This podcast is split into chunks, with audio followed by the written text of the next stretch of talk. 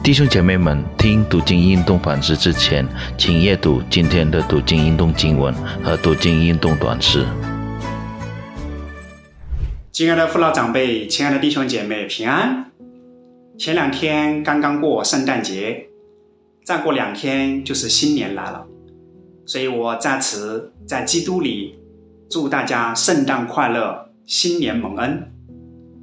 我们一起来祷告，天父。我们真感恩，谢谢你在过去的一年当中赐福了我们，我们也把新的一年交在主的手中，愿你继续赐福带领我们，也赐福接下来的这一段时间。祷告交托，奉主耶稣基督的名，阿门。我们今天要学习的经文是以赛亚书的九章二到七节啊，我给大家。念三节经文，第二节，在黑暗中行走的百姓看见了大光，住在死荫之地的人有光照耀他们。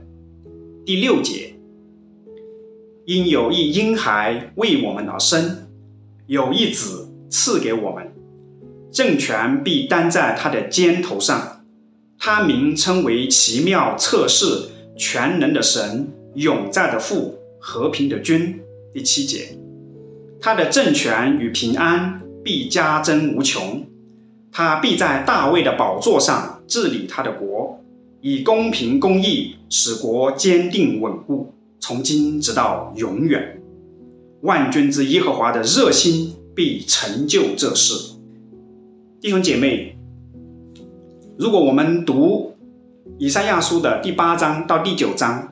啊，这一段经文，我们就可以清楚的看到第九章的一到七节这一段，其实上是继续前面第八章的预言。在前面啊，神已经清楚的，呃，借着以赛亚先知预言，告诉我们，啊，以色列民背逆啊，然后呢，就会经历上帝的管教，啊，也会经历亡国被掳。也会经历艰难痛苦，啊，然后呢，上帝会施行拯救。不过整个过程差不多要经历经过七百年的黑暗时间。那在这么长的黑暗时光里，最后百姓终于见到了大光。那大家大家都知道，对于黑暗当中的人来讲，光是多么的重要。所以，我们今天呢，要借着这一段经文分享一个主题，就是后真理时代的光。这个主题啊，很不简单，但是呢，很重要。什么是后真理时代呢？啊，简单来说，后真理时代的人，他的主要观观念就是认为没有客观绝对的真理，一切都是相对的。所以，这种观念。信念，实际上他是排斥基督教的，啊，那么他们觉得呀，只要我觉得对的就是真理，啊，只要大多数人支持的、赞同的就是真理，啊，这个就是后现代后现代主义啊，人们对真理的这种观念，而这个其实上是现代主义的观念的另外一个极端，现代主义呢。他们是相信理性的，相信理性可以让世界啊变得更加的美好。但是呢，经过两次世界大战之后呢，这种信念破产，结果呢就又变成不再相信这个理性，认为啊没有啊这个绝对的真理啊，人的理性啊也是不可靠的。认为一切都是相对的，那么这种观念的问题在哪里呢？其实上，这是一种自相矛盾的信念。为什么呢？因为他认为一切都是相对的，没有绝对的真理。但是呢，他却把这种信念当做一种当做一种绝对的真理。大家明白吗？啊，所以其实上在后现代啊，科技很发达，对不对？啊，知识大爆炸。但是呢，真理却是碎片化，所以在后现代人们其实上是活在末世的黑暗当中，啊，那我们基督徒也是活在这样的时代里面，我们要怎么办呢？那经文以赛亚书第九章第七节，啊，这里面就让我们看到以色列民，他们曾经就是活在黑暗和绝望当中，没有启示，没有真理之光。啊外邦人呢更是如此，但是接下来第三到第五节，神的预言告诉我们，他的百姓啊会不断的增加，而且他们会经历大大的欢喜。为什么呢？是因为神要拯救他们，他们要经历拯救。那这样的拯救是怎是什么呢？是怎样的呢？那接下来在六到七节里面就告诉我们。其实上，这个拯救就是弥赛亚的降生和他的工作。那弥赛亚呢，会为神的子民而生，啊，从而成为完美的国度君王。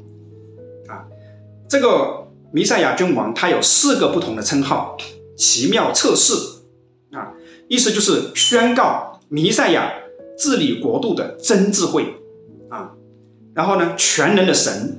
全能的神像是要宣告弥赛亚的神性和大能，然后他也是永在的父，就是要宣告弥赛亚他对百姓永远的看顾和管教啊，然后他也是和平的君，就是要宣告弥赛亚把和平带进国度。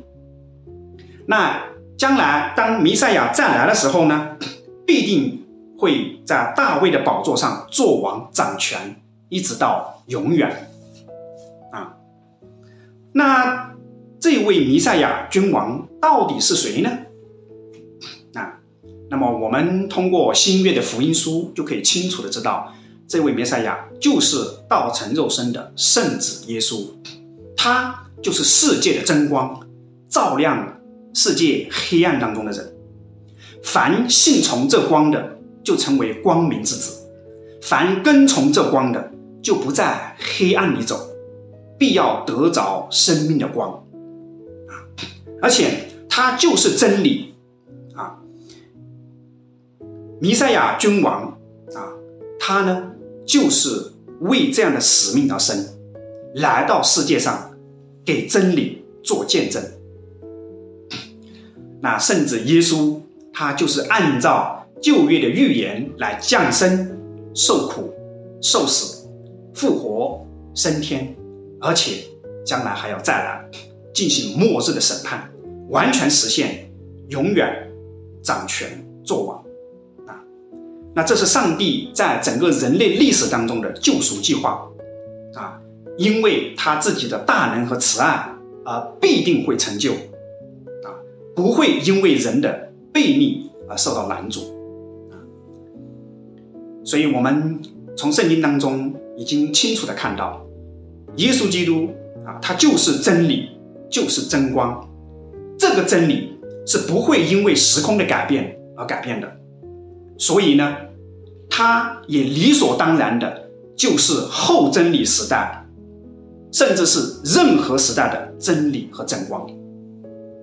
同时，耶稣他也清楚的告诉我们，基督徒就是世界的光，我们应该。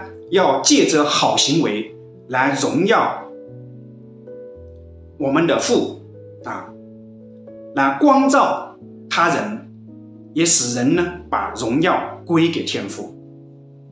弟兄姐妹，我们现在虽然处在后真理时代，显然面临着很多的挑战，受到很多负面的影响，也面对很多的试探，但是。无论遇到什么难处，我们要终身坚信圣经真理和耶稣基督，用我们自己的生命和生活来为主发光，引人归主，容神一人。阿门。求主来帮助我们，带领我们。我们一起来祷告。天父上帝，我们感谢你，谢谢你在。七百年前，旧约的时代就已经启示，你要在黑暗当中赐下真光，赐下弥赛亚君王。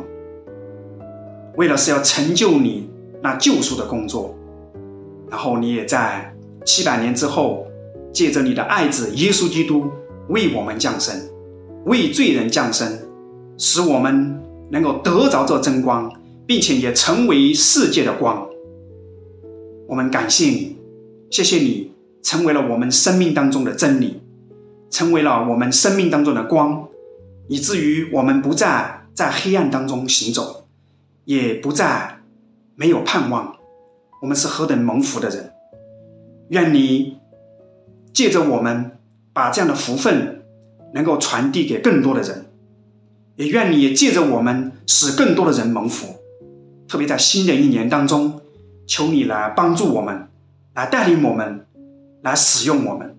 感谢你，听我们这样祷告交托，奉主耶稣基督的名，阿门。愿主赐福大家，阿门。